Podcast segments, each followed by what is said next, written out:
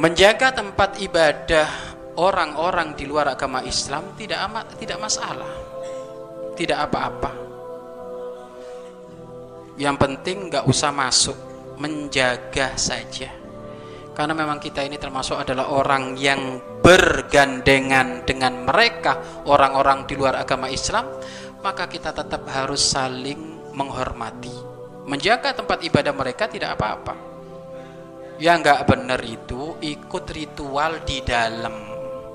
Kalau menjaga nggak apa-apa nggak usah masuk. Kalau masuk harus ada sebab musabab yang jelas. Kalau menjaga nggak masalah. Sebagaimana termasuk umat di luar agama Islam yang menjaga masjid hak-hak mereka.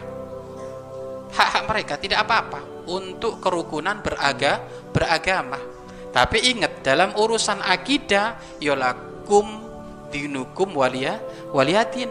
Urusan agamamu ya urusan agamamu agama kita agama kita. Tapi kalau urusan jaga nggak masalah.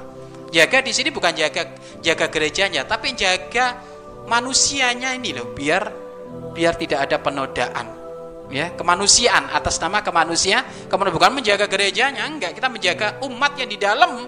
Karena orang di luar agama Islam juga umatnya Nabi Muhammad. Nabi Muhammad itu yang kita jaga bukan menjaga gerejanya kuil budanya enggak menjaga umat.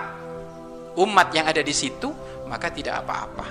Asal tidak ikut ritual ibadah mereka hanya sebatas menjaga saja tidak apa-apa. Apalagi dia termasuk adalah seorang petugas abdi negara yang memang di negara itu bukan hanya umat Islam saja.